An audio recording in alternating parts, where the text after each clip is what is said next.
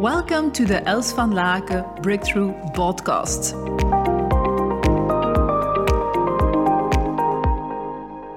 Already for a couple of months, I have an interesting insight, and again today, I I got confronted with it, and I thought, well, I really need to share this on my on, on my uh, inspiration channels. And it's all about how you get triggered to go towards your goals.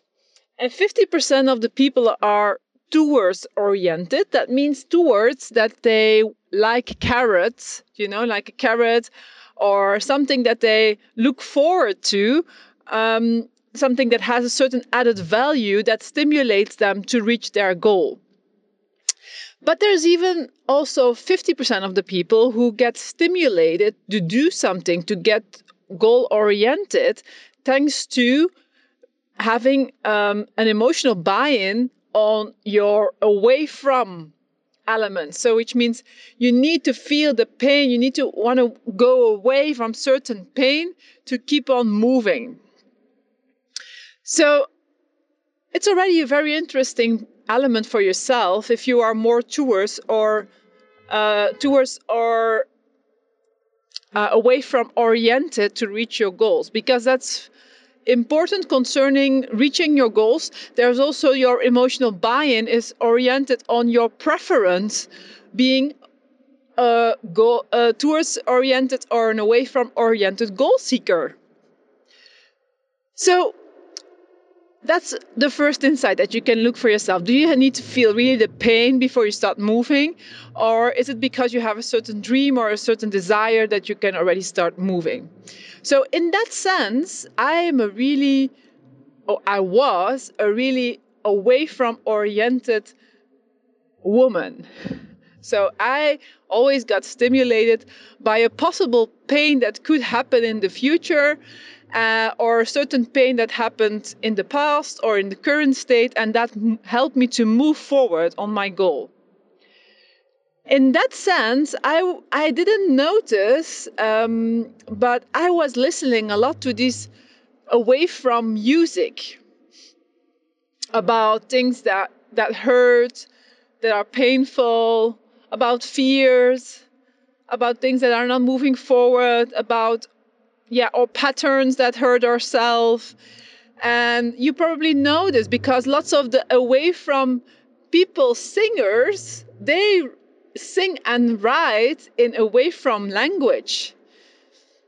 So interesting enough, you will see from most of the singers that they in their songwritings that they do away from and tours. They also have uplifting music most of the time.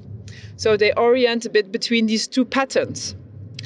So, but what is my main insight here for myself and the impact on my life is I realized a couple of months ago that I was listening so too much to away from music and that this music, as it is stored in your long term memory on a certain moment, I was listening in my head sometimes to this away from music, which, which isn't always stimulating.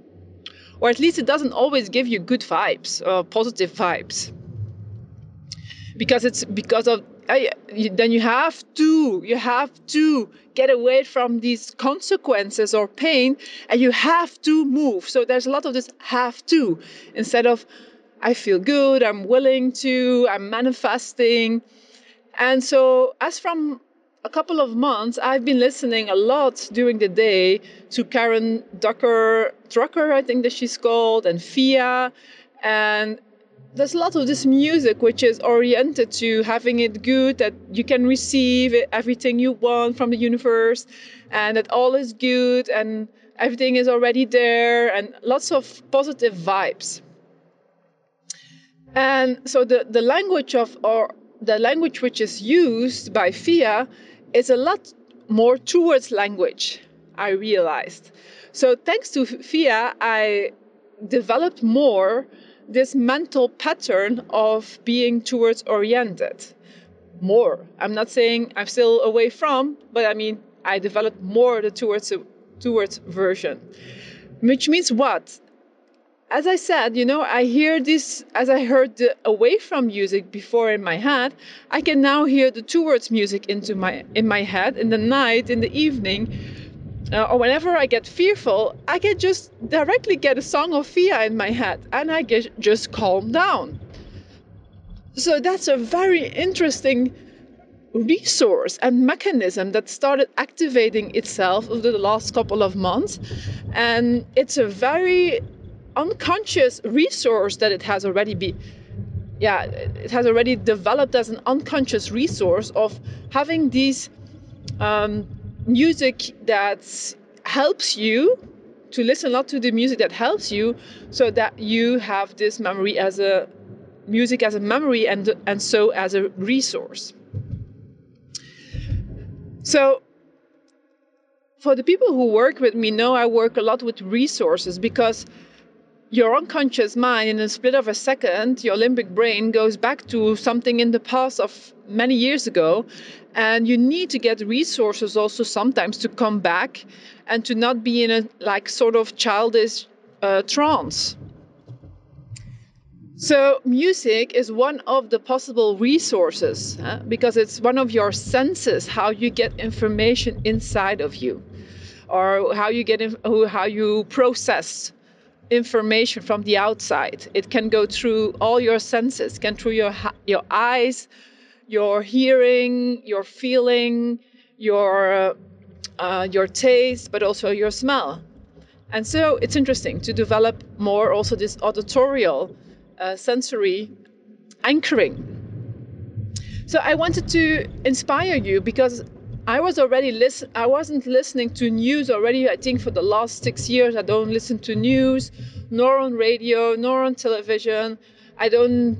I don't. I neither look to television. Uh, we do. So, we do have Netflix, but I don't. I don't. I, we don't look to all these commercials and things like that. And I realized also when I was reading a book about how the brain works, a very simple book, I I just got it so clear concerning this short-term memory, long-term memory about yeah how how fast for a brain something is like like like reality. Everyone remembers the little child that that uh, was um, you know got uh, one of the refugees a couple of years ago. That the little child with one of his, one of his shoes off uh, that was that landed on the on the beach dead, and everyone can still like memorize this mem- this this picture because it all touched us because we made the connection what if it would have been our child or the child we know?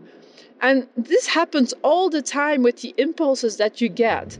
I realized uh, a couple of months ago i was uh, that's why i made the shift a couple of months ago sometimes when i was tired i wanted to go to a no-brainer um, series on Netflix. I bought Netflix for my children to also have some cartoons and a certain moment I thought okay let's let's let's look to a series. And I started with 100 it's uh, doesn't matter. It's a good series but the thing is that it's all about violence in that in that uh, in these episodes which means that in the night I was uh, sometimes I, I was looking at three episodes uh, that's the advantage, but also the disadvantage of Netflix that there is no there's no publicity and you can directly look to the next episode.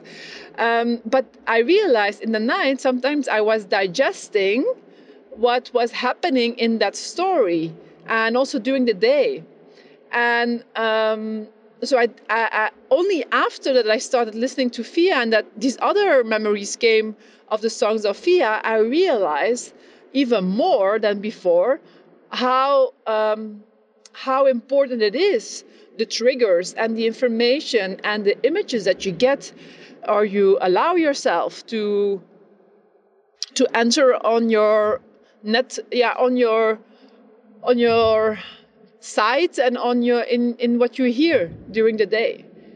So yeah i like i like it now very much to consciously really make a choice. I also almost never travel.